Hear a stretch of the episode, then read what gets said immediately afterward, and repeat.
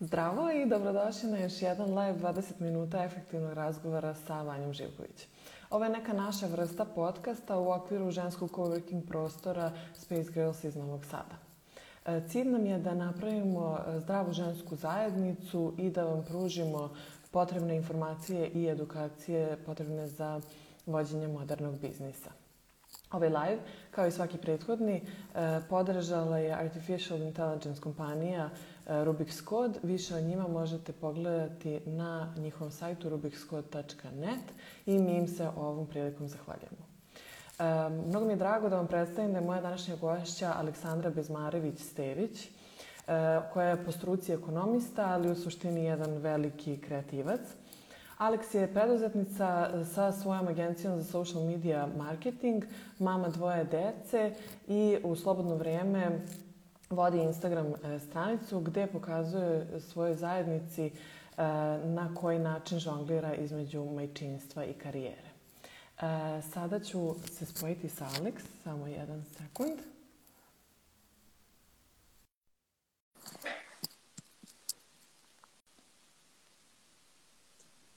Ćao! Ćao! Jel se čujemo i vidimo? Čujemo se i vidimo se, evo da se e, namestim super. u kadar. Prvo da ti se zahvalim e, na odvojenom vremenu, znam koliko ti je to u ovom trenutku izazovno, e, tako da ćemo odmah da krenemo sa pitanjima da bismo pokrili što više tema. Može, može. Hvala tebi još jednom na pozivu i moram da ti priznam, ti si jedna od redkih koja me ne razvodi, pošto me svi predstavljaju samo jednim prezimenom, a sa druge strane, ovo mi je prva najava da čujem da sam uh, mama dvoje dece, jer od kad sam uh, jo, dobila slatko. sina, da, uh, nisam uopšte se uključivala nigde live, niti sam nigde gostovala, tako da hvala ti na tome. Molim, ja volim da, da upotpunim to i ovaj, uvek imam problem sa tvojim prvim prezimenom, da li sam ga dobro izgovorila?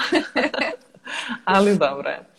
Dobre, kako smo mi ženski coworking prostor i obraćamo se uglavnom preduzetnicama ili ženama koje žele to da postanu, htela sam da nam ispričaš svoj primer, e, kako si se odlučila tako mlada da uploviš u te vode.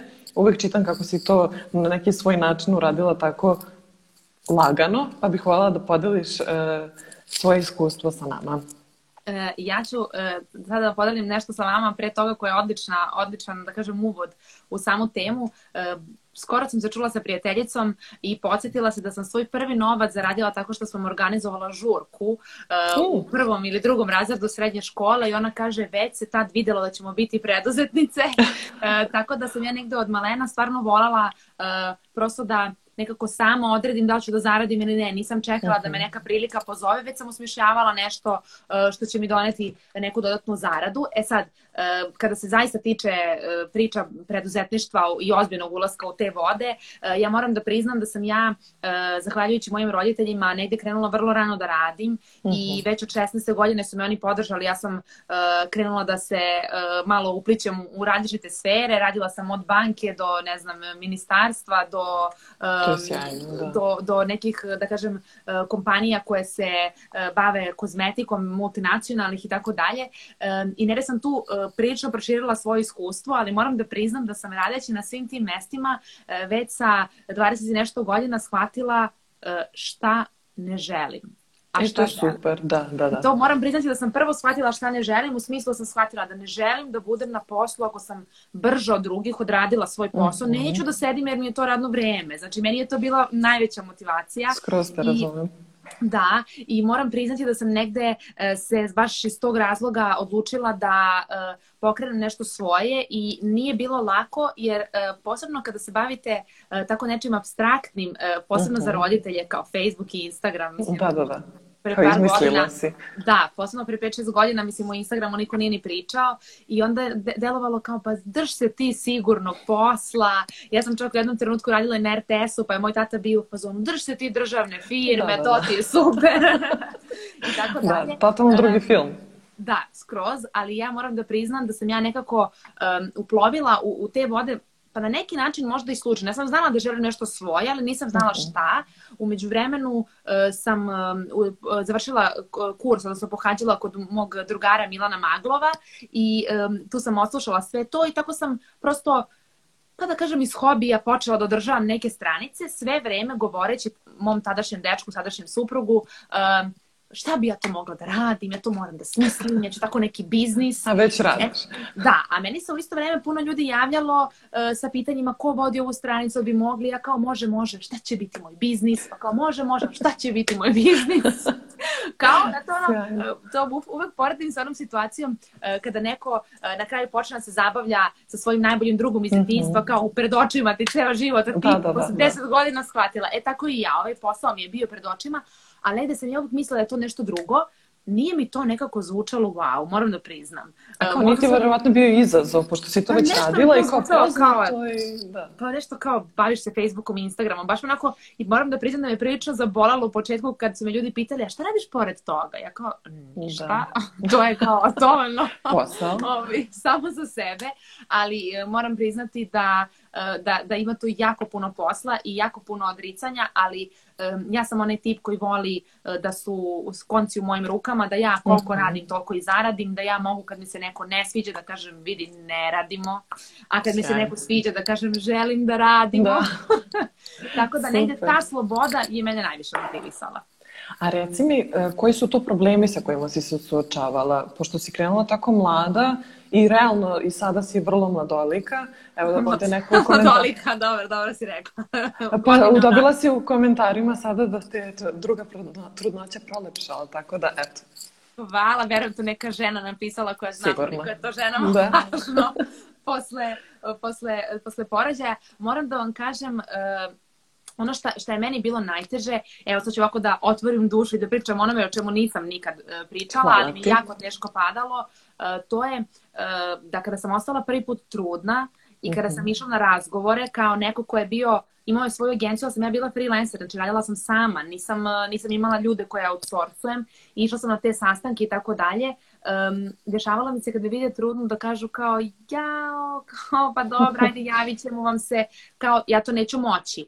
I onda da. sam čak iz tog, sad mi je krivo, ali pre tri godine, znači kada sam bila u drugom stanju e, sa čerkom, um, ja sam nosila ovako jednu fasciklu i jedan prsluk koji je prikrivao moju trudnoću, tada sam bila čak deveti mesec i ja sam ovako s nekim muškarcima na sastanku sve vreme sedela da oni ne primete I kad su oni to strašno? Strašno je. Sad, ja to tek sad shvatim da je strašno, jer ja sam sedela na sastanku i kada su oni primetili da sam ja trudna, oni su mene pitali kad mi je termin. To je bio uh mhm. -huh. petak, meni je termin bio u utorak. I ja sam rekla u utorak i oni su rekli koji utorak, ja sam rekla sledeći. Pritom, samo da napomenem da sam ja došla na potpisivanje ugovora, znači već je sve bilo dogovoreno. I oni su meni rekli kao važi, važi, samo sekunde što ima oko papira, kao da izdvojili su se i kao jao, nama fali neki papir, ajde molim te javljamo ti se sutra i nikad se nisu javili. Ne ja sam dušu isplakala onako luda od hormona, ali mi je to stvarno teško palo jer mislim, razumem da žene koje su u drugom stanju možda neki ne mogu da rade ili evo ja u ovoj trudnoći, na primjer, nisam sigurno mogla da budem tako pokretna i okretna kao u prvoj. A valjda ne bi radila da, da ti ne odgovara tako i da ne možeš. Mislim, to je tvoj je. biznis. Da, tako da su meni to te predrasude, te je ono kao klinka si kad sam počela, na primjer, da. pa ja ne znam koliko sad imam agenciju, ali jedno pet godina, na primjer, šest, više ne znam ja, um, ono kao, ja, čeka vas neka devojčica, pa još ja kao kad pokupim neku kosu, pa se nešto ne mhm. našminkam, pa tako da trčim u patikama, kao, evo neka devojčica je ovde. to me bolelo. Užas. Jedva sam čekala da budem žena. ali to je tako strašno, mislim, s obzirom na to koji su to pogrešni razlozi da želiš da budeš žena. Mislim, jako. to je jedan od osnovnih razloga zašto sam počela cijelu ovu priču sa ženskim coworking prostorom, da malo onako obelodanimo te stvari sa kojima se žene susreću i da pokušamo možda zajedno da nađemo neki, neko rešenje, da. bar za neke probleme. Da, a imala sam još jednu situaciju od kad sam dušu otvorila, da ti kažem. Imala sam situaciju, na primjer, da, da se dešava da neki uh, muškarci uh, misle da pošto sam ja žena, a i mlada sam, a i delujem da leđa nemam, uh, da kao ja oplatit ćemo uh, ili kao Aha. sačeka ili kao ajde nije problem stani malo uh, ili kao e, platit ću ti deo, kao nisam bio zadovoljan. Pa prijatelju, tebi kad molar okreći, ti mu platiš, da. pa mu sred posla kažeš vidi ovaj deo nije bio dobar. Ako nije dobar, nema, nema cile mile, to što pa sam da. ja žensko. Tako da mene te stvari uh, jako kao ženu uh, bole. Sada kada sam majka i, i devojčice i dečaka, negde želim da osnažem svoju čerku da bude u fazonu, mm -hmm. vidi ja to mhm. sve mogu i, i, i iako sam žensko, možda sam nežna, ali u isto vrijeme ne možeš da se zezaš sa mnom, tako da, tako je, super. Eto, otvorila Sjajno. sam dušu. Slatka šolja. I hvala, hvala. ti na otvaranju duše. hvala, hvala. E, ajde sad malo da pređemo na taj kao e, ozbiljni deo. Dobro, e, Ja bih da kao e, predlo, predložimo neke predloge devojkama e, i možda muškarcima koji nas slušaju kako da bolje vode svoj e, biznis mm -hmm. online. Tako da ću ti postaviti par nekih pitanja vezano Može. za to.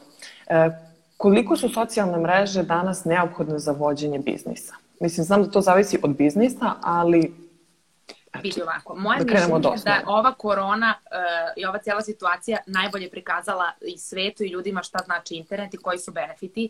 S druge strane, ono što ja definitivno mislim, postoje biznisi kojima Facebook i Instagram nisu neophodni, ali ne da. znači da nisu potrebni. Znači, e, biznisi koji rade već sami od sebe i tako dalje, ali ja se uvek plašim u smislu, ok, vi sad radite sami od sebe, ali šta će biti za 5, 6, 7 godina kada ipak na neki način vas pojede konkurencija. Tako da ja mislim da... Ili korona. da, cijela ova situacija je zaista još jednom pokazala koliko um, zapravo potencijala uh, imaju društvene mreže i sam taj, da kažem, uh, online vid poslovanja, ali ja bih istakla jednu od stvari uh, kao, da kažem, najveću prednost, to je što vi na, na društvenim mrežama pravite neki, da kažem, svoj kanal i ne morate da, kao kada, na primjer, dođete na televiziju pa kažete dobar dan, ja bih da uh, se reklamiram, uh, koliko to košta i tako dalje, znači ne morate da od, ulažete neke nenormalne budžete, već gradite neki svoj mhm. kanal gde vas prate ljudi koji vas, vaš sadržaj interesuje.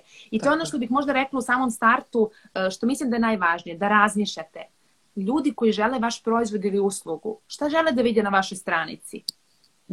nismo mhm. nekako e, možda navikli svi kao kačimo postove, mislim za, pričam o, o biznis profilima, ne pričamo da, o, da, da. influence profilima, nego baš o, o biznis, u smislu mi kačimo neke postove koji su kao u skladu sa onim što mi radimo, ali zašto bi, na primjer, evo uzet ćemo primjer, na primjer, neki suplement, vitamin C, na primjer, ima svoju Instagram stranicu.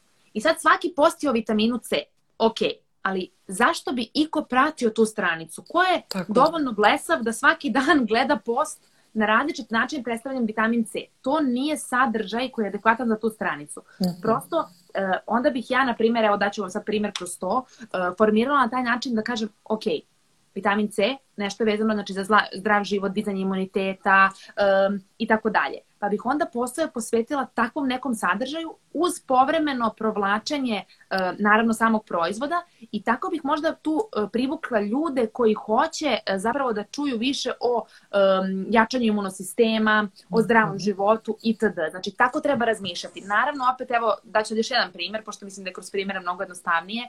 Imate kozmetički salon i bavite se na primer japanskim iscrtavanjem obrva, nemam pojma. znači, neka Vrlo konkretno. da. Ovaj, e, ljudi kače, šta kače? Oni kače ovako, zdravo lepotice, pa stavljaju srca, pa ne znam, cvetiće neke, pa kao prelepo je jutro. Ne. Kada ljudi uđu i kažu, aha, meni su rekli da ovaj salon dobar, šta oni hoće da vide? Oni hoće da vide kako, kakvi su vam radovi, kako vam izgleda salon, ko je osoba koja to radi, imate li garanciju, koliko to košta, šta možete da prepravite, imate li neke komentare i utiske, znači razmišljate o tome šta želi vaš potrošač. I ja nisam neko ko nešto je zagrižen za broj followera, mislim da to za biznis stranica apsolutno nije uh, važno, već da imate zaista ljude koje to, ta stvar uh, koju vi -hmm. prodajete, bilo da je proizvod ili usluga, zaista interesuje. Eto, to, da. je, to je ukratko malo mišljenje. Ja sam malo ako pomeram, pošto malo svetlo uh, delujem da sam sebi u mraku, ti si mi tako nešto osvetla, a ja kao ja da imam baš ja... svetlu prostoriju, da. da, divno, blago tebi. e, ovaj, a pomenula si to sad kao da se uh, veruje onome ko, ko ovaj, radi taj posao, pa uh, jedno od pitanja je da li smatraš da je bitno da se lično pojavljujemo za vođenje našeg biznisa? Da, iskreno ja mislim da se ljudi mnogo više uh, vežu za lik E, nego za sam, e, da kažem, proizvod ili uslugu i mislim da to, da svi šminkeri koji su se onako javno prikazali i koji su negde postali popularni na taj način ili svi, ne znam, kreatori koji su stali ispred svog brenda ili svi ljudi koji imaju nešto čime se bave i stanu ispred toga, e, nekako privole publiku, neki ih zavole zbog toga što su, ne znam, dopadljivi, lepi, dobro, lepo se oblače pored toga, imaju neku prijatnu boju glasa ili nešto. I ja mislim da zaista neki proizvodi ili usluge zaista budu sjajni ako prikažete ili ne znam, kao ja sam dizajnirala ove papuče, evo ja sam ta, pa mhm. malo pričam svoju priču, pa se ljudi nekako vežu. Naravno, postoje neki proizvodi koji zaista nema potrebe da neko ulazi iz kompanije, posebno kada su velike korporacije, nije pitanje da, ko da, bi da. tu mogao da stane ispred. Ali ja mislim da ako prosto osoba koja uh, nešto radi, da kažem koja je, da kažem, nosilac tog biznisa, ima tu crtu u sebi da može da priča, da može da kaže, da može da se pokaže, ja sam uvek za. Ako mhm. neko, kada se upali crvena lampica ili kada ovako treba da se uključi live, se trese, uh, ja onda kažem bolje ne. Ja i mojim klijentima kažem, hajde ću da snimamo, to može super da bude itd. Ali ako vidim da neko ima tremu, ja sam uvek u fazonu bolje nemojte, možete da pokvarite. Ali ja sam imala mnogo veliku tremu. Baš mnogo veliku tremu. Ne mogu da ti objasnim, bukvalno stanem, zanemim i kao to je to. Da. Ali nekako mislim da Ali pošto je ovo da moj biznis.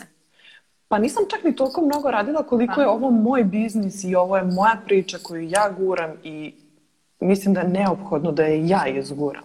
Da, pa makar ja i ovako kroz nešto što kao nisam ok s tim. Dobro, sad već malo jesam. Da, ali da. u početku stvarno nisam bila. Baš je bila onako kao Znaš. Znaš kako, ja, ja nekako uh, sam uh, kao klinka radila na televiziji i gledala sam ljude koji padaju nesvest od treme, ali sam da, bez šale. Da, znači, ne kao lupa im srce, nego bukvalno uh, meni se čovjek onesvestio na stolici i ja sam u fazonu, uh, vidite, ako imate tremu, molim vas, nemojte da se nesvestite ponovo kad sam ja da. tu. Ovaj, ali mislim da stvarno treba stati, uh, posebno što mnogi ljudi imaju neke fenomenalne priče koje su ih doveli. Videla sam uh, da se uključila devojka uh, Aleksandra Lava Design. Ona ima mhm. -huh. fenomenalnu priču yes. kako je došla uh, tu gde je i mislim da ona treba da stane. Ona i stane povremeno, ali vrlo sramežljivo, uh, svojim uh, likom ispred cijele te priče. Nekako mislim da onda ljudi spoje priču, proizvod i lik i tu neku emociju da to zaista dobijate uh, ceo paket. Jeste, jeste. E, kad smo kod toga, šta misliš da je bitnije, postovi ili storiji? Ovako. Mislim sad konkretno, pošto da. Instagram nekako naj Da, i, da, i slažem se, uh, ali e, šta, šta bih ja izdvojila? Znači, ja mislim da, da su bitni postovi storiji s tim što moje mišljenje je sledeće, da vi postovima privlačite i novu publiku, a da mhm. storijima vezujete postojeću. Znači, prosto vi storijima red, redke, su, redke su mogućnosti, sem ako napravite neki story koji će da šeruje veliki broj ljudi pa da vas na taj način vide, ali redka je mogućnost da vi storijem dođete do nove publike. Obično kad mhm. objavite post, izađete na Explore feedu, e, vi se tu pojavite ljudima i na taj način vi e, prosto dođete do nekih novih ljudi i raste vam broj pratilaca. Ali storijima vi zadržavate i vezujete za sebe e, ove, postojeće, postojeće pratioce. Tako da ja mislim da su oba bitna, ali ako bih morala da biram, ja bih izabrala ovako redovni storiji, povremeni postovi. Kad kažem uh mhm. -huh. povremeni, ne mislim pet puta mesečno, znači mislim ono tipa minimum 10-15 postova mesečno, ali uh, bih išla na tu redovnost kod storija, mislim da to zaista doprinosi većoj, većoj gledanosti storija, samim tim i, i engagementu, samim tim i većoj povezanosti i tako dalje i tako dalje. Da, kontinuirani rad u stvari da, na svemu da, tome. Da. A kad smo već kod ili ili, slika ili video? Ovako, uh, sad ću da ti kažem isto. Uh, ja sam više za video formu, zato što mislim da to sad prosto u ekspanziji. S druge strane, mislim da vi kroz video možete mnogo više da prikažete i da kažete. Uh, sad ću pričati i kao biznis i kao, pošto verujem da ljude interesuje i ta strana, kao neko ko uh, želi da napravi svoj profil, da postane popularno rečeno influencer. Da. Um, ali mislim da E, kroz video formu ljudi mogu mnogo bolje da vas upoznaju kao osobu, na primjer, od uticaja i s druge strane mnogo bolje mogu da upoznaju i vaš proizvod. Da ćete vi, na primjer, ako je to mhm. torba, da je predstavite sa svih strana, da pokažete kako se proizvodi, da pokažete ko stoji iza toga, kako birate materijale, da, da, da, da, da. I naravno, ja tako brzo pričam, nemojte da zamerite, ja da što više stignem u ovih efektivnih 20 minuta. To. Uh, ali, um, s druge strane, uh, postoje ljudi koji ne vole da gledaju video. Znači, prosto statistike pokazuju da postoje ljudi koji preskaču video materijale, to mogu da budu mame koji spavljuju decu, na primjer, i neće da, da, mhm. da uključe zvuka, neki videi nisu dovoljno uh, jasni kada su bez zvuka, Jasne. tako da bih ja sugerisala da to bude video, na primjer, primetit ćete da ja kod mene uvek na storiju, uh, kada kačim video, uvek neku ključnu reč iz, iznesem dole ili izbacim nešto što da ih zainteresuje, da klikne da upal, upale zvuk ukoliko ga ne slušaju. Da. Naprimjer, ljudi da. su na poslu pa neće da se odaju da malo bleje na Instagramu. Ove, a sa druge strane, e, ipak fotografija kao osnov Instagrama i kao nešto što je, da kažem, na, na čemu Instagram e, je i počiva, mislim da je jako e, važna, ali e, prosto treba kombinovati. Kažem, mislim da e, profili koji imaju samo fotografije bez video materijala ne mogu mnogo da dobiju, ali naravno neki biznisi prosto nemaju, e, nemaju mogućnosti da rade da. video materijal, tako da je to isto u redu. E, molim te da nam nešto kažeš o algoritmu, e, koliko je neophodno voditi računa o tome i šta to uopšte znači, pošto nekako da to se stalno... Da, Ovako. Od koje svi beže i kao stalno se menja. Kao, da, da, da, ne, ali sad ću da vam kažem, znači, a, a, tako, tako rogobatno zvuči kao Instagram algoritam, mi ne da, da. Instagram algoritam je sla, smanjio vidljivost posta. Šta je sa algoritmom? Znači ovako, suštinski niko od nas ne zna kako funkcioniše Instagram i koje postove više ili manje promoviše. Znači, prosto taj algoritam, odnosno to je neka, da kažem, formula ili šema po kojoj Instagram više plasira određene postove, a manje e, neke druge. E, definitivno to je nepoznanica Instagram namerno ne želi to da otkrije zato što onda bi svi to prosto radili istu stvar. Ja tako kad bi Instagram rekao promovišemo više postove koji idu u 7 uveče, svi bi objavljivali u 7 uveče, što nije poenta. E, zapravo moje mišljenje je sledeće. E, mi nikada nećemo saznati kako Instagram algoritam funkcioniše, ali možemo da primetimo, e, zahvaljujući nekim našim objavama, zapravo kada imamo bolje rezultate. Daću vam primer. Kada uđete na fotografije, evo ja ću vam sad dati primer mog profila da ne odajem uh, rezultate klijenata. Um, kada ja kad uđem na svoje fotografije, ja prosto znam da fotografije na koje sam ja sa čerkom ili sa suprugom će bolje proći od fotografije na koje sam ja sama. -huh. Na primjer. I ja mogu da kažem Instagram algoritam favorizuje fotografije da ima više ljudi, ali zapravo nije. To, to je jednostavno ljudi, ljudi više, vole uh, te da. porodične fotografije i tako dalje. Ali onda bi neko rekao, ali dobro, zašto ti te fotografije imaju i više pregleda? Aha. Jer ljudi mogu više da ih lajkuju, ali zašto, na primjer, meni fotografija sa suprugom ili sa čerkom ima, na primjer, rič 40-50 hiljada ili više, a, na primjer, kad sam sama 25-35 hiljada. Zašto? E, onda da. Instagram, vi onda možete da razmišljate o Instagram algoritmu što više ljudi reaguje na fotografiju, što više ljudi je lajkuje, što više ljudi je komentariše, njoj rič raste. I zato ćete, na primjer, primetiti uh, da, uh, evo, na primjer, uh, fotografije koje, da ću vam sad još jedan jednostavan primjer. Neko objavi sliku sa venčanja i ta fotografija bude najgledanija. Bilo da je profil privatni ili biznis. Zašto? Uh mhm. -huh. Zato što puno ljudi piše ispod te fotografije čestitam. Samim tim puno, ta fotografija ima puno komentara i opet samim tim uh, taj rič raste. Isto tako um, popularni uh, giveaway čiji ja lično nisam apsolutno uh, fan, um, oni uh, prosto što ljudi treba da nešto ostave u komentaru, tako, da taguju da. ili emotikon da ostavi itd. Samim tim poveća, povećavaju rič, odnosno vidljivost te objave. Sad taj algoritam, e, neki su, e, neki pričaju kao algoritam favorizuje vreme u koje se objavljuje. Pa smo mi, na primjer, ljudi koji se bavim poslom negde primetili, vi znate najveće, na primjer, najveća gledanost, odnosno posjećenost Instagrama je predveče, znači uveče, na primjer, mm -hmm. 8, 9 i tako dalje. Zavisi opet, ali kažem, tu je negde najveća. I sad onda mi smo primetili da, na primjer, u 9 uveče rič jako veliki, ali nakon toga krene lagano da opada. I onda su neki stručnjaci pričali kako bi trebalo objavljivati u 9, zato što tad ima najviše ljudi na mrežama. Ali opet, on nakon toga pada. Pa su onda neki pričali, pa aha, treba u 7, jer da. posle toga raste. Ali mi zapravo ne znamo koji period vremena Instagram prati i negde selektuje objavu kao zanimljivu. Ja to volim uh -huh. da, mhm. kad hoću da uprostim uh, ljudima koji su mi klijenti, ja kažem, Instagram vidi da li je vaša objava zanimljiva ili nije. Ako ljudi reaguju na nju, gledaju je duže, zoomiraju, uh, lajkuju, komentarišu, šeruju, sejvuju, on detektuje da je to objava koja privlači pažnju. Samim tim njen rič raste, ali mi ne znamo da li oni gledaju u roku od 5 minuta šta se dešava ili u roku od 3 sata. To je nešto što je nepoznanica. Znači, prosto, moj savjet bi bio, manite se algoritma, gledajte na vašem profilu šta prolazi. Daću vam opet primer, uh, vi, mislim ti znaš verovatno, a verujem i neki ljudi koji su se uključili, moja sestra ima uh, brand Sjel, uh, brand haljina. Mi smo da. primijetili da kad god se ona slika u haljini, nama prodaja raste. Kada se slika neko drugi, ma koliko te devojke bile atraktivne i lepe i drugačije možda od nje i tako dalje, prosto prodaja nije na tom nivou. Znači, prosto da, da, ona da. vuče. Je li to povukao algoritam? Ne znamo. Je li to da. povuklo to što ljudi nju znaju pa lajkuju, pa samim tim ima veći rič? Aha, evo nam ga sjelo. Evo slušam. Ove, ovaj, samim tim ima, ima veći, veći rič. Mi to ne znamo, ali prosto uh, uh, uh, mislim da je najbitnije, gledajte, pratite statistiku, znači pratite na vašem profilu šta zapravo daje rezultat. I to je algoritam nad algoritmima, jer mi ot otkriti taj univerzalni algoritam nećemo. Mi možemo da primetimo kad se pojavi story, kada se pojavila opcija za story, sećate se, kako da. odjednom je favorizovan story u odnosu na sve drugo. Ja sam, na primjer, e, e, kada se pojavio IGTV, rekla sebi, vidi, sad se ovo pojavilo, nema ljudi koje snimaju, hajde kreni da snimaš. I ja sam krenula i meni se desilo da ja imam 6000 pratilaca, a 115.000 pregleda IGTV-a, što je u wow, potpunom raskoraku. Zašto? Zato što Instagram kaže ovako, mi nemamo kreatore trenutno Da, da, da. sadržaja. Evo vam Aleksandra svima. imaju, ima njih par, sad ćemo da ih gruvamo da mi naviknemo ljude da gledaju IGTV. Zato kažem, kada se pojavi neka nova opcija na Instagramu, bilo da je ono anketa na storiju, bilo da je neka tako sitnica, koristite je odmah.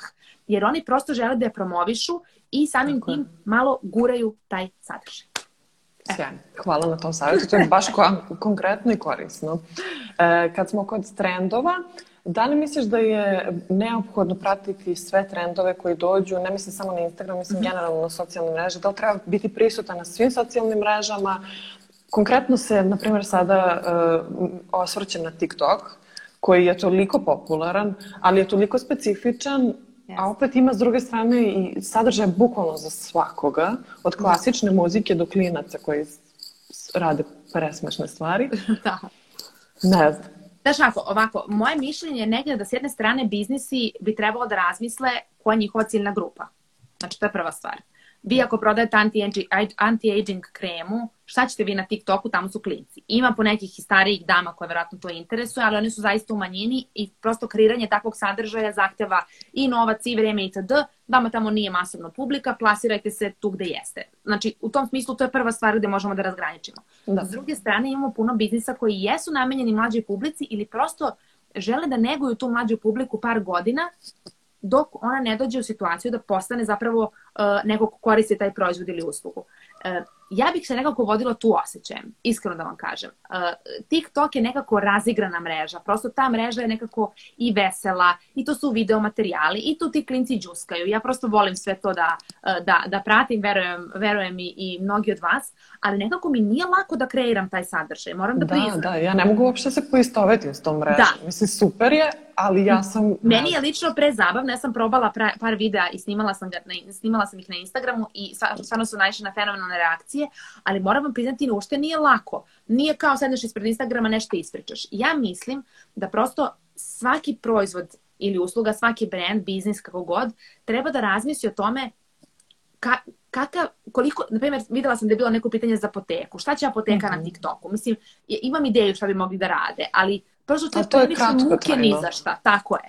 I, čak nije kratkotrajno, nego mislim da bi oni morali dugoročno da se, što bi rekli žargonski klinci, cimaju da bi imali neki Yes. rezultat. Yes. E sad, um, e, naravno, e, ja da sam, na primjer, neki kafić ili restoran, ja bih to radila. Ja bih rekla, ok, jer želim, želim da, pre- ako želim da privučem mlađu publiku. Mi sad znamo da je među klincima popularna energila i te gluposti. Na primjer, tako neki barovi koji su namenjeni zaista za tu populaciju koja je na TikToku, e, ja bih pravila profil koji je interesantan. Za, tako, za neke proizvode koji su prosto namenjeni mlađoj publici, što da ne. Ali sad, na primjer, da li ti treba da napraviš TikTok e, za, za, tvoj, za tvoj biznis, ja bih ti u ovom momentu rekla uf, što ćeš da se namučiš, pitanje je do koga ćeš da dođeš. Znaš, Da, tako da, da, bukvalno. da, da treba mislim. razmisliti, zaista. Zaista je nekako individualno. A i mislim da mora da ti prija, mora da ti A. legne, zato što je toliko Mislim, ja ovdje specifičan. pričam iz ugla ako angažujete nekoga da vam radi. Znaš, ti sad radiš dobro, sama za da. svoj biznis, ali postoje, na primjer, uh, ne znam, shopping centar te angažuje agenciju koja Da, će da, da da. radi. Da li Da. vi da platite agenciju da vam vodi TikTok? Ako ste shopping centar, ja bih rekla da. Da. Jer kao, imate tu potencijalnu Nećeš se ti cimati. Ja ovo Da. više sad iz ugla malih biznisa i ljudi koji sami vode svoje profile, pa onda Da. kao, eto, to je, to je baš cima. Onda da li, ste, da, da, da li će da vam legne? Da li je, da li je to prosto, prosto stvar za, za, za vas? Nije lako, Jeste. stvarno. Reci mi koliko je bitno imati, da kažem, lep feed, u smislu onih sad šablonskih stvari gde su svi feedovi tako predivni i ne znam, dreamy. Da, sad ću da vam kažem, znači kada su se pojavili ti kao lepi feedovi, ja sam kao agencija prva bila fazonu, mi ćemo to da radimo, ajde da razbijemo, ovo da napravimo različite opcije, toliko smo se maltretirali u Photoshopu da to izgleda besprekorno, interesantno, da svaki kad uđe ima neki efekat i sad moram da vam ovako kažem i sad iz mog iskustva šta vi dobijate, šta gubite time. Znači ovako, vrlo je prosto. Uh, ajde opet uzmemo neki biznis da bude jednostavnije. Ne znam, frizerski salon. Izmišljam, neka bude mali biznis zbog toga. Vi uđete na primjer na neki Instagram frizerskog salona prvi put i uđete na feed i kažete wow, kakav feed, ovo stvarno izgleda fenomenalno i zapratite ih. Šta se onda dešava? Mi zbog uh, lepog Instagram feeda često uh, gubimo na kvalitetu pojedinačne objave. Šta to znači? Da, Da, bi nam se feed uklopio, nama treba ovde neka roza objava koja će da ima jedno slovo, to neće baš biti lajkovano i tako dalje. Vi doslovno maltretirate svoju publiku takvim objavama koje su tu da vam srede feed. Vi nemate mogućnost na Instagramu da objavite neku fotku koja će da bude, da kažem, da, da bude deo feeda, a da nije plasirana publici, znači prosto mora, mora, mora vidjeti vaša publika. Tako da ja mislim da e, treba negde dozirati. Evo, daću primjer tvog feeda. Ti imaš vrlo jasno, e, znači centriran ovaj deo e, na A to je sredini. novo. Pa dobro, ja sad gledam to. Ja bih da te pohvalim Ok. poslednje korake. Hvala ti. Uh, ti si vrlo ja- jasno, da kažem, uh, napravila šablone za, na primjer, gostovanje na tvom live-u i te IGTV-eve i plus imaš neke dodatne objave i to je nekako razdvojeno. I doslovno nijednom objavom uh, ne maltretiraš svog korisnika, da kažem Hvala tako žargonski. Ali postoje, na primjer, ja sam imala uput od jednog klijenta koji mi je rekao, to je bilo pre godinu dana, ja mislim, uh, da on želi profil gde će imati devet fotki da bude jedna Aha. frizura. Frizer je baš bio. Pa devet fotki, druga frizura. Ja sam rekla, to neću da vam radim, zato što vama je to To dobro samo za nove korisnike. To je zaista lepo kad neki nov korisnik uđe i kaže, "Ah, wow, kako je ovo drugačije. Ali vi doslovno ljude koji vas prate i koje treba najviše da cenite, maltretirate. Tako da sam ja protiv, uh, protiv lepog Lepih fida fida. na uštrb uh, kvaliteta, ali volim kada prosto oni budu negde obojeni istom notom ili imaju neku zajedničku crtu, prosto da se vidi. Ja volim kad se vidi da se to vodi na profi način. Da, da je čisto nekako, ja volim kad Ili kad vam vodi agencija da se vidi da ste platili. Ja kažem nek se vidi da vam vodi agencija, nek se vidi da ste platili. Ali Pa jeste. što da ne, neka bude, neka bude što lepše. Izvinjavam se, samo ću još gutati dok čujem pitanje. Slobodno. E, sad sam ovdje imala neka pitanja za vidljivost i za povećanje zajednice, mada to smo već onako dosta i prešli u, u, ovaj, Da. U, u razgovoru, što je Mogu super. da dodam nešto? Može. pričljiva. Uh, dodala bih samo apropo povećanja zajednice. Znači, ja sam jako protiv giveaway-eva. Iz razloga zato što, to moram da kažem, nikad nemam priliku i nekako uvek poželim da to na svom uh, storiju uh, ispričam, ali uh, nekako odustanem na kraju. Zašto sam protiv giveaway-eva? Giveaway vam ne donosi pravu publiku. Giveaway vam donosi ljude koji žele poklon. Ne ljude koji žele da vas slušaju. Znači, bilo da ste vi osoba ili biznis, sve jedno. Uzmimo, na primjer, neka, neka, evo, na primjer, pravite nakit, nije bitno, šta god. Pravite nakit i vi sad kažete hoćemo da podelimo ogrlice, podelit ću, ne znam, paket ogrlica, vi ćete dobiti, da, da, da. i sad šta sve znači? Znači, nećete se tu, tu će se prijaviti ljudi kojima sviđa vaš nakit, ali će se prijaviti gomila ljudi jer žele nešto za džabe. Prosto naš Da. mentalitet takav, dajte mi džabe šta god, nek mi ne treba džaba je. Jeste, jeste. Tako da, mislim da se tu dobija pogrešna publika. Zašto vam to pričam? Posebno ovo govorim u, u slučaju da neko želi da razvije svoj lični profil kao osobe, da gradi sebe kao brand. E, vama se najviše posmatra engagement u tom slučaju. I vi, šta, šta znači engagement? Znači reach, odnosno, izvinjavam se, znači lajkovi, šerovi i komentari. E, to se posmatra. I vi kada, na primjer, kao osoba, dovučete puno ljudi preko giveaway-eva, dobijete, na primjer, 20.000 followera, imate 20.000 followera, a imate 500 lajkova po slici. To nije u skladu. Prosto Da, da, da. to se vidi da nešto nije okej.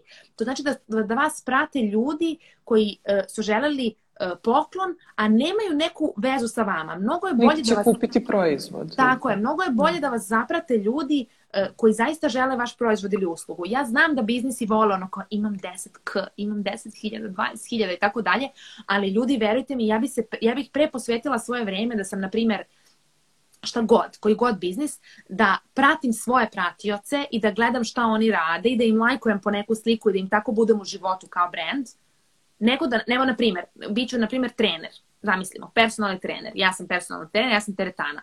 Ja bih pre gledala svoje pratioce i lajkovala im sliku na kojoj jedu jabuku ili ne znam, e, trče Mhm. ili um, ne znam, izgledaju dobro na plaži pa bi im prokomentarisala super izgledaš ili tako nešto, nego što bih organizovala giveaway u kome poklanjam, što se često dešava, da poklanjaju nešto što apsolutno nema veze sa njihovim uh, proizvodom ili uslugom, Mhm. kao poklanjamo mobilni.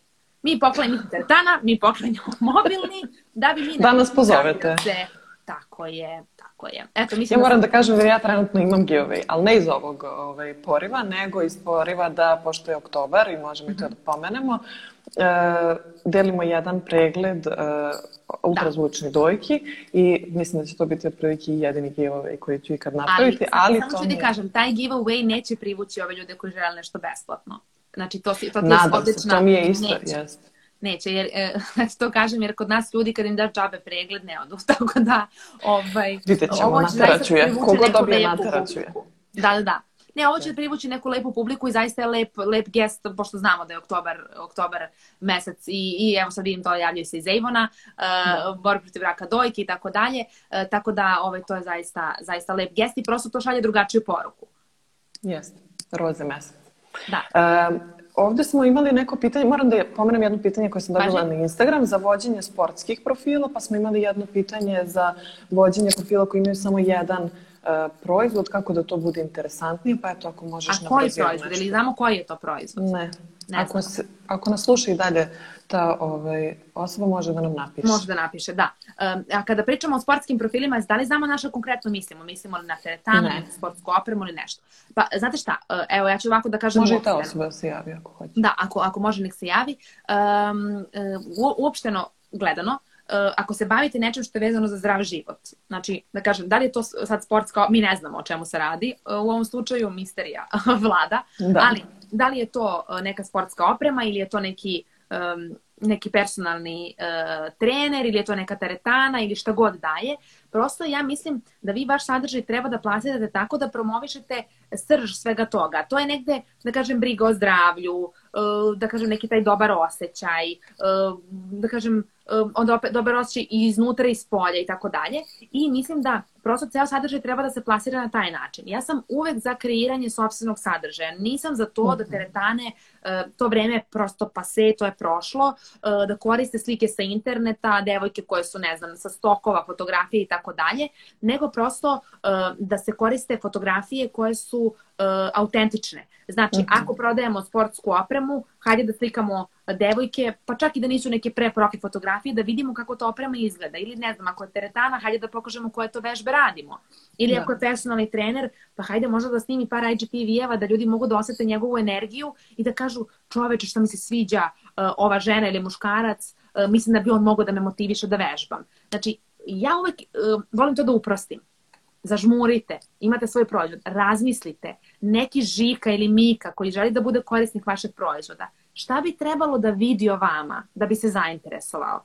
Uh, videla sam da piše uh, za prodaju jednog modela posteljina. Da, Vrlo to je taj je... konkretan ovaj, E, proizvod. odlično. Uh, kako treba da izgleda profil? Sad ja ne znam da li taj jedan model ima u više dezena i tako dalje, ali prosto vi na tom profilu opet ne mogu, opet ne znam da li je posteljina vezana za decu, gledam po logu da, da probam da, shvatim i, i za, i za um, odrasle. Uh, prosto možete da plasirate. Ako je, na primjer, posteljina za decu, vi možete na tom e, profilu da se bavite, na primjer, um, snom. U smislu, koliko je e, važno da dete spava, kakve to sve tehnike postoje, šta stručnjaci misle, pa pozovete u live nekog, e, nekog psihologa koji će da priča zašto se dete od četiri godine budi noću. Znači, vežete se za celu temu spavanja. Pa, na primjer, onda možete da pozovete nekoga ko će da vam tumači snove, ako je, na primjer, posteljina za odrasle. Pa možete, na primjer, da kačete neke varijante ili da pričate sa nekim o tome kako partneri uveče kad spavaju, da li spavaju oni leđa o leđa ili su zagrljeni, šta to govori o odnosima.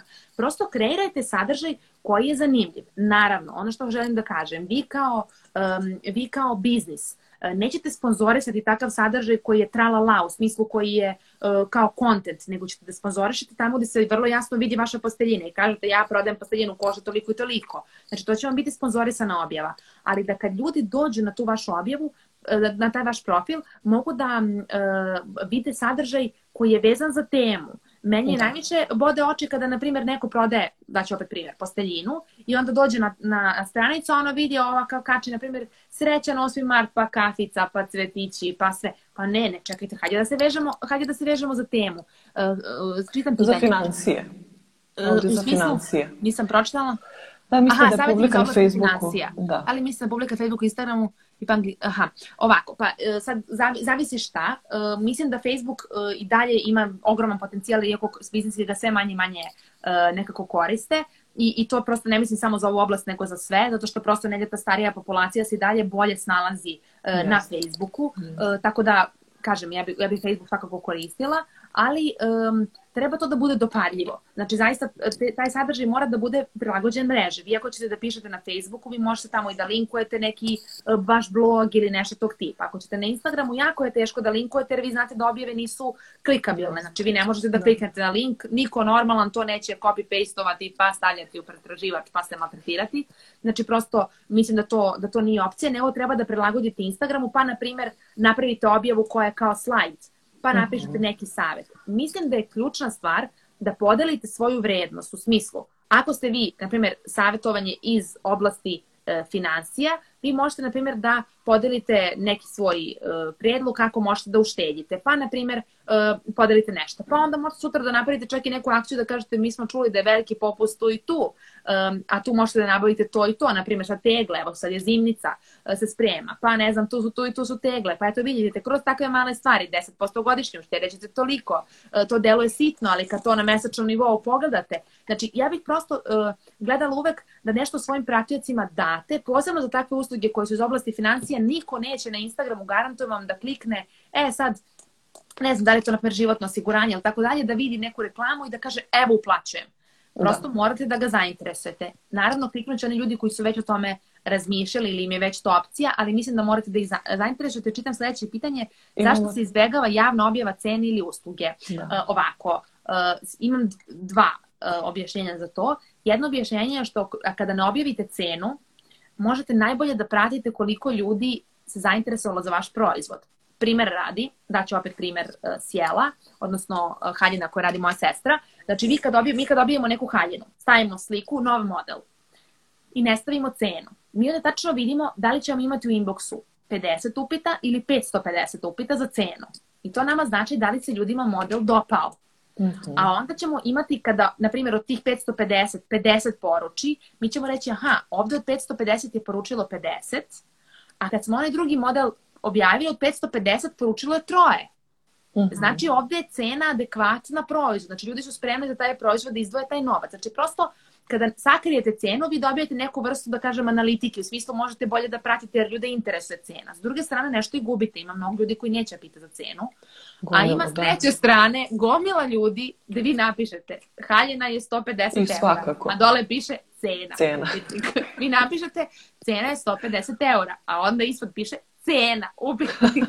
Tako da, yes. ovaj, dvoje koje, ali mislim da neki ljudi ne objavljuju cene, jer, na primjer, kada su visoke cene nekih proizvoda, onda naiđu na javnu osudu nekih ljudi koji to ne mogu da mhm. plate, pa onda treba se bore s tim komentarima, pa je to tako nekako naporno, ali e, ja sam uvijek u fazonu, ako vam je cena konkurentna, znači ako u odnosu na konkurenciju možete se istaknete po tome što imate atraktivno, odnosno nižu cenu, istaknite i obavezno. Ako vam je cena veća od konkurencija, vi se više vodite kvalitetom, ne morate da istaknete, prosto uh, pišete u inbox ljudima pa da vidite prosto kakve će biti, kakve će biti reakcije, koliko će biti upita, iskoristite u, to, u, u, u te svrhe. Ja ne znam koliko ti imaš vremena. Mislim, pa imamo pa, još pitanja konkretnih. Okay. e, ali ja bih da te pitam samo još ovaj, ovako uh, privatno, pa ćemo se vratiti na ova pitanja, samo bih da završim sa pitanjima. Sad se vraćamo opet na privatno i uh, za majčinstvo i karijeru. Kako, kako si se organizovala? Mislim da ja te pratim uh, na tvom profilu pa znam kako se organizuješ, bar ono što nam prikazuješ. Ali Vere mi da ne znaš. sigurna sam. E sad se to tako kažem. Koliko ti zapravo teško pada to uh, organizovanje? Ajde, dobro sad imaš malu bebu, ali mm -hmm. generalno kako si se privikla na taj novi način života? Ovako, sad ću ti kažem. I sa manjom i sad, koja je da. u suštini odrasla malo. Da, e, e, mene je ova korona najviše tu iskreno poremetila, opet ću se upatiti nje, zato što sam ja, e, se, sa manjom sam bila godinu dana u potpunosti, da kažem, sama sa njom. Mhm. Naravno, suprug dolazi posle posla, ali ja sam bila negde tu u radno vreme i hendlala sam i bebu i posao. Ne pitajte me, ja sad kad vidim te svoje fotografije, ja sam u fazonu, Miko, slatka, koliko si bila umorna, nisi ni Od bila početka, svesna. kao kad je bila beba? Da, da, da, da. da.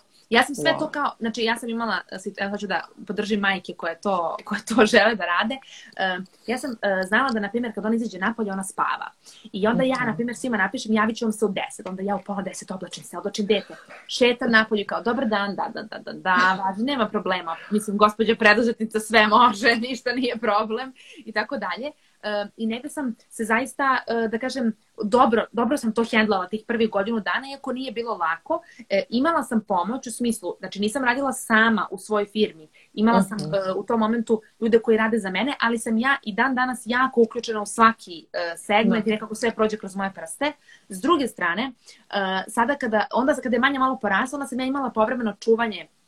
Devojku koja mi je uskakala da mi čuva par sati uh, i u tih par sati ja sam bila superman, sam superwoman i sve sam stigla da odradim i to mi je zaista bilo fenomenalno. I plus posle toga, vidite, ja kad pričam o poslu sam strašno uzbuđena i ja jako to volim. I, ovaj, i onda se tako napunim tom energijom i dođem kući odnosno, ja, da, ali čak kad kažem dođem kući to zvuči tako fake zato što ja na primjer mnogo sam radila iz kuće, ali izađem da, iz svoje sobe i onda sam u pozonu ljubavi, evo mama sad napunila energijom, može sve.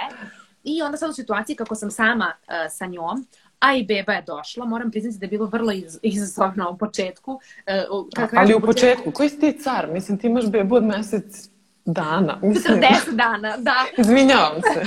da, ali ne zbog toga, nego ti kažem, prvih nekih dvadesetak dana ja sam zvala neke prijateljice. To je bilo pre 20 dana, ljudi, molim vas. Da, ali stvarno je, ja sam zvala prijateljice i bilo u fazonu, ovo je nemoguće da ovako izgleda, ja ovo nisam prijavila. Znači, ja sam bila u fazonu, šta je ovo, kako ću ovo da iskedlam. E, na primjer, danas ovaj, uh, sam nekako super i mislim da, uh, mislim da to nekako var, kad posebno zvoje dece iz dana u dan, meni zavisi to kako se oni probude i mislim da mi je ključ uh mhm. -huh. da se oni dobro naspavaju, da budu raspoloženi u toku dana i onda sve može, ali ja sam onaj tip Uh, kako da vam kažem, ja volim kad imam puno obaveza i mene ne to motiviše. S druge strane, ja se strašno, reći ću opet klinački i žargonski, ali ložim na svoj posao. Znači, ja volim to posao, pričamo, ajde, šta može, daj biznis, daješ nešto.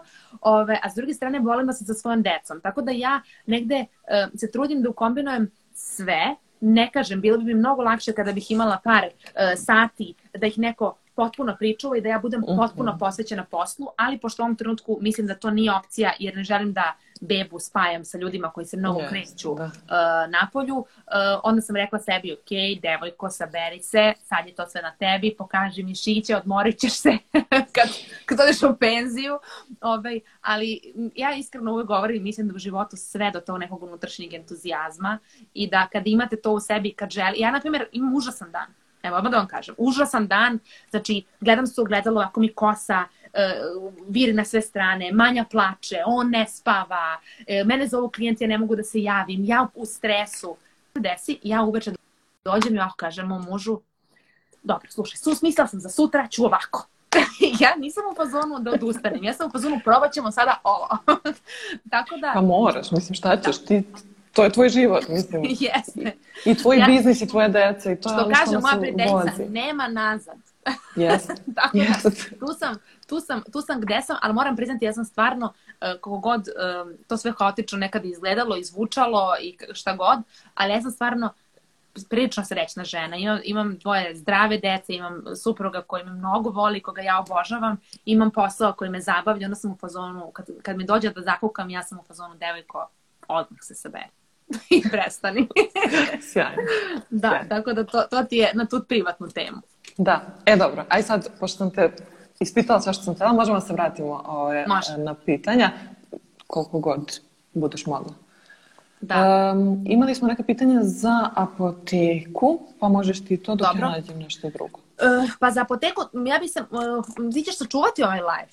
Hoću, da, e, kao i GTV. E, pa to, to, to. Uh, pošto ja imala neka pitanja na, na mom profilu da neki ljudi neće moći da budu sad, pa da će moći da gledaju. Da, da. Ali da. Uh, na, na početku ovog live smo pričali, na primjer, o nekom vitaminu C, ja sam dala kao primer, yes. uh, kako može da se plasira, ali ja, na primjer, uh, kada bih bila apoteka, um, kada bih bila apoteka, kada bih bila vlasnik apoteke, ja bih razmišljala sledeće. Zašto bi neko gledao apoteku na Instagramu? Hajde da razmislimo. Zašto, na primjer, bi neko se odlučio da dođe u moju apoteku, a ne u neku drugu? Pa zbog cene. Mislim, ne možete vi Jesmo tu? Tu smo? Nešto se prekinulo? E, tu smo. Da. Ovaj, ne možete vi e, zbog, e, neće, neće niko da dođe u apoteku koja se, ne znam, nalazi ne baš blizu e, nečijeg mesta stanovanja, zato što, na primjer, ima divno osoblje unutra i tako dalje. Ipak apoteka je neka stvar, obično nešto urgentno treba.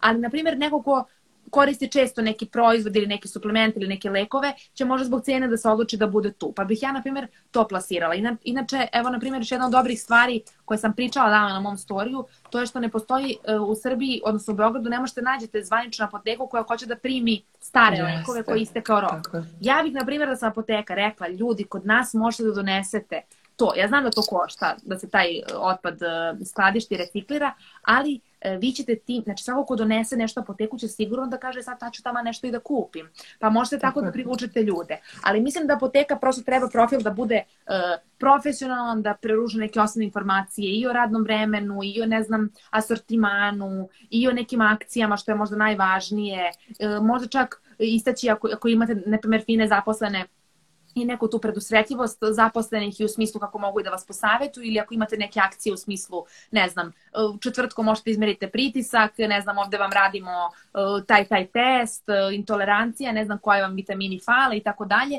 Tako da, eto, to je nešto najprostije za apoteku. Mislim da apoteka ne, pru, ne pruža neku sad mogućnost da budete prekreativni, niti mislim da trebate, jer ipak ljudi apoteku neće pratiti uh, kao želim da pratim apoteku, imaju tako sjajan sadržaj. ne, Ali opet s druge strane imaš sad apoteke koje prodaju sve, ono, igračke, papuče, pa da. može, mogu i time da se pozabave da. šta, šta da. imaju sve od toga. da, da, da, da. da Uh, časovi engleskog spremanja međunarodnih ispita, brendiranje osobe, ideje i predlozi. Uh, ajde ovako, časovi engleskog, opet kažem, ja, znači sad, ja kapiram da to sve odvojena stvar. Časovi engleskog, pa ti spremanje međunarodnih ispita, verovatno iz engleskog, ali onda da, da, da. to brendiranje. Da.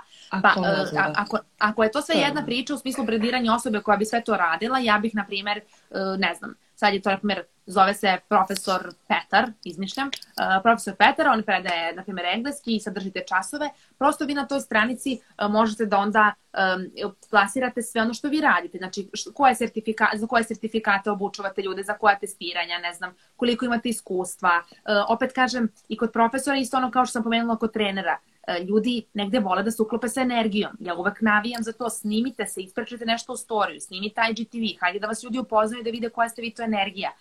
Um, isprečite koji su vaši metodi rada, pa dajte neke testimonijale, to isto dobro prolazi. Znači, ako vi, na primjer, predajete engleski, uh, uzmite 10 vaših učenika, neka vam ispričaju komentare, pa stavite ih pored slike, šta su oni rekli posle vaših časova, koliko su Ljudi to stvarno čitaju. Da, jako čitaju to da, ljudi. Da. Uh, ja sam, na primjer, um, negde u početku bila protivnik ono kad ljudi stavljaju screenshotove poruka, zato što sam stalno govorila, ali ljudi, to može da se fejkuje, to je bez veze, evo to uopšte ne verujem. A onda sam shvatila da su neki od brendova bukvalno izgrađeni, zahvaljujući uh mhm. -huh. tome što su ljudi šerovali zaista komentare svojih korisnika, da li sad pravi ili fake, ne znam, ali, na primjer, mnogi, ne, mnogi, mnogi profili su na taj način se negde, da kažem, izdvojili od drugih. Ljudi prosto u to veruju i zaista ja negde svim srcem verujem da niko to ne zlopotrebljava i da zaista ljudi to koriste um, u prave svrhe, ali mislim da, mislim da, da, da tako neke stvari poput tih testimonijala mogu da budu stvar, ja, sjajna stvar, ali takođe mogu da budu i opcija da snimite video materijal. Evo videla sam da se um, siguran roditelj Nikolina, da se, da, okay. poznajemo se sad svi kažem imenom, um, da je se ona javila, eto, na primjer, uh, meni je sjajna opcija za profil koji, na primjer, se bavi roditeljstvom ili sad, na primjer, ona radi sa decom i sa roditeljima, da prosto roditelji neki koji bi bili raspoloženi i radi da se snime, da snime i da kažu, znate šta, ja sam imala problem, na primjer, moje dete je često upadalo u tantrume ili ne znam, moje dete je bilo jako stidljivo, Nikolina mi je pomogla da to prevaziđem, ne znam, kroz toliko i toliko uh, vremena ili ne znam, kroz, kroz par meseci ili kroz toliko viđanja itd. Mislim da. da su to stvari koje stvarno uvere ljude. Mislim, to je onaj top shop fazon, znate, on spava, od kad spava na konturu, on više ne hrče. Više ne hrče, ali to je taj da. fazon. Podelite Ali mi to svi znamo, ja se izvinjavam. A ja pogledaj koliko je godina prošlo te reklame. Tako je. Mislim, ove, ili ono, e, kolaču ti ganju. Nemoguće. ne verujete, pogledajte. Tako je. Um, kad smo kod e, sigurno roditelja, pitanje za giveaway, da li u redu da profil koji se bavi savjetovanjem u vezi sa roditeljstvom poklanja knjige na temu roditeljstva i vaspitanja, ne radi sticanja pratilaca, već nagrađivanja lojalnih pratilaca. Da, to je super. Naravno da nemate uslov uh, da me zaprate, zapratite moju da. stranicu, znači onda bez tog uslova meni je to skroz uh, ok, ali, kako da kažem, možda biste taj novac koji ćete dati od te knjige, pa nek to bude 7-8 hiljada, mogli bolje da vratite sebi tako što biste, uh, na primjer, uradili neku sponzorisanu reklamu, pa došli do većeg broja ljudi kojima biste mogli da pomognete, nego što ćete da poklanjate, ali razumem i koncept poklanjanja ljudi koji vas prati, želite da im se zahvalite. Tako da kažem, ima, ima smisla i jedno i drugo. Ja sam videla jedno pitanje ovde, mene zanima business to business, odnosno prodaja proizvoda ja kompanijama. Ja sam. Da, e, ću, pročitat ću ja, pravit ću se sad voditeljka. Uh, prodaja, evo, da se vratim, prodaja proizvoda kompanijama koji će kupovinom proizvoda iz našeg asortimana oslobađati penala koje plaćaju državi, drrr, business to business po mom mišljenju jako slabo na društvenim mrežama funkcioniše, uh, zato što vi ne znate, evo daću vam primer, uh, vi na primer se bavite od čišćenjem. Na primjer imate firmu koja se bavi čišćenjem, ali vi hoćete da čistite kancelarije, znači poslovne mm -hmm. prostore vi ako stavite svoju reklamu, znate koja je šansa da vi ubodete osobu koja se u nekoj firmi bavi određivanjem ko će čistiti njihov prostor? Mislim, yes. to je jako nezgodno u smislu da treba da imate ogroman rič, znači jako do velikog broja ljudi da dođe, jer ne postoji način da vi kada sponzorišete tu reklamu selektujete ljude koji su zaposleni u korporacijama i koji se bave odlučivanjem na neku temu. To je takođe isto, na primjer, za event centar. Mm -hmm. Imate event centar i kažete hoću da pravim korporativne proslave, korporativne sastanke, uh, imam super salu za sastanke i tako dalje. Uh, jako je teško preko društvenih mreža, vi možete to da kačete, da promovišete, ali pitanje je da ćete vi da zaista dođete do pravih ljudi koji u korporacijama odlučuje gde će se praviti neke proslave, na primer to je, mislim, baš, baš onako... Uh, Jeste, to je čudno neslušno. i kad pošalješ mail može da dođe do nekoga ko se ne bavi time i da ga nikad ne prosledi. Tako, tako da, A na, da. Kad, sam, kad sam se uhvatila sponzorisanja, to je jedna od stvari koja jako pomaže biznisima. Vi, ako ste, na primjer, biznis, evo, daću vam sad primer, prodajete venčanice. Ja sam puna primjera, ali tako se lakše pamti. Izvinjavam se svima koji to smeta. Ne, ne, ovaj, um, ali pro, prodajete, na primjer, venčanice. I vi onda kažete ovako, ok, kome trebaju venčanice? Venčanice su potrebne ženama koje su verovatno verene. Ok, hajde, reklama nek se plasira ženama koje su u engaged, stavila da su na Facebooku. Žene koje su verene izlaze im reklame, reklame, reklame za venčanice. To je mnogo bolji rezultat uh, ćete imati nego kada, na primjer, vi uzmete i kažete, ok, prodajem venčanice, ću da okačim ženama od 25 do 35. Pa nisu, da. mislim, sve te žene zainteresovane za venčanice, na primjer. Tako. Ili, ne znam, stavite, na primjer, hoćete da prodajete krevetac na primjer, za bebe, prodajete, vi ste neka firma, pravite krevece. Vi možete da stavite različite parametre interesovanja, da se neko interesuje, na primjer, za dojenje, za, ne znam, pelene, za... Um... Ja, imam jedno pitanje oko toga. Šta znači da se interesuje za to? Da, jako je to nezgodno i to bukvalno nije baš uh, dovoljno pojašnjeno, posebno ako ste gledali Netflixov dokumentarac Social Dilemma, ne znam da ste gledali. ovaj, ja ne. Pogledaj. Namerno. Uh, ali nije, nije, dovoljno, nije dovoljno uh, jasno definisano, ali su to, znači, na primjer, neke pretrage na tu temu u smislu uh -huh. da, na primjer, se više zadržavate na sadržaju tog tipa. Šta je, tu, šta, je, šta je tu situacija? Ja kažem, ja mnogo više volim da kažem ovako, ok, ljudi koji su u braku su mahom ljudi koji imaju decu, je li tako? Pa, na primjer, ako ja sam prodavnica igračaka, znači mogu da, ovo pričam o Facebooku, na primjer, plasiram proizvode, je tako, znači svoje reklame, ljudima koji su u braku, na da. primjer. I onda vi stavite kao koji su stavili relationship status kao married, na primjer. Da, pojenta je u stvari da razmišljamo uvek malo izvan onoga uh, da. što bismo najobičnije razmišljali. Tako je, bukvalno razmišljate ko je vaš kupac. Da. Ko je kupac? Znači, ko, da. ko će tu da dođe. Pa ne mora da bude jedan. Možete da napravite, imamo osobu A, osobu B, osobu C. I treba što dublje razraditi te osobe, yes. bukvalno doći do toga kako oni razmišljaju. Yes. Mislim, to jesu imaginarni ljudi, ali stvarno ali to je baš bitno. Ali tu se nalazi uspeh, tu, yes. tu, tu se dolazi do uspeha. Yes. Da, da. Imamo stomatološku ordinaciju. Dobro. E, ništa, savjeti za bolji profil. Uh, što se tiče stomatološke ordinacije, imam tu uh, iskustva. Uh, iskustvo govori sledeće. Nažalost, naši ljudi mnogo bolje reaguju na sav sadržaj kod stomatoloških ordinacija koji se tiče estetike, a ne zdravlja zuba. Aleks, imamo još dva minuta. Evo, a, evo pričam brzinski. Da. A, znači, ne zdravlja zuba, Ups. tako da sve one usluge koje se tiču izbeljivanja, faseta, čuda, će bolje proći nego kada kažete dođite da mi izlačimo paradontozu, karies itd. Tako da idete na tu temu i uvek pokažete pre i posle E, radove, ljudi na to baš dobro reaguju, to naravno ne može se sponzorišati, Instagram to ne dozvoljava, before and after slike, uh, tako da to držite na profilu, a sponzorišite neke druge objave, ali prosto uh, to najbolje prolazi tu. Mnogo ti hvala. Ovo je bilo strava i izvinjavam se svima čije komentare smo propustili, nismo odgovorili, ali nadam se da smo pomogli bar nekim ljudima. Um, Još jednom hvala ti puno, znam koliko je ovo Hvala bilo teško da se izdvoji. Sad Hvala. trčim, trčim kod dece e, da ih uspavljujem, već je 7 sati, a hvala svima koji su se uključili u live, vidim da u jednom momentu bilo i preko 200 ljudi, tako da zaista hvala vam. Iako je korona, ja se osjećam kao da smo se zaista okupili onako e, zajedno i razmenjali neku lepu energiju. Jeste, hvala vam svima na komentarima, baš je onako Da. bilo živo. Da, Da. Ovo mi je najduži, inače 20 minuta otišlo, moram da preimenujem ovo. Hvala ti još jednom sto Biće puta. prilike da se ponovo družimo. E, nadam se. Da. Ćao svima! Ćao, ćao.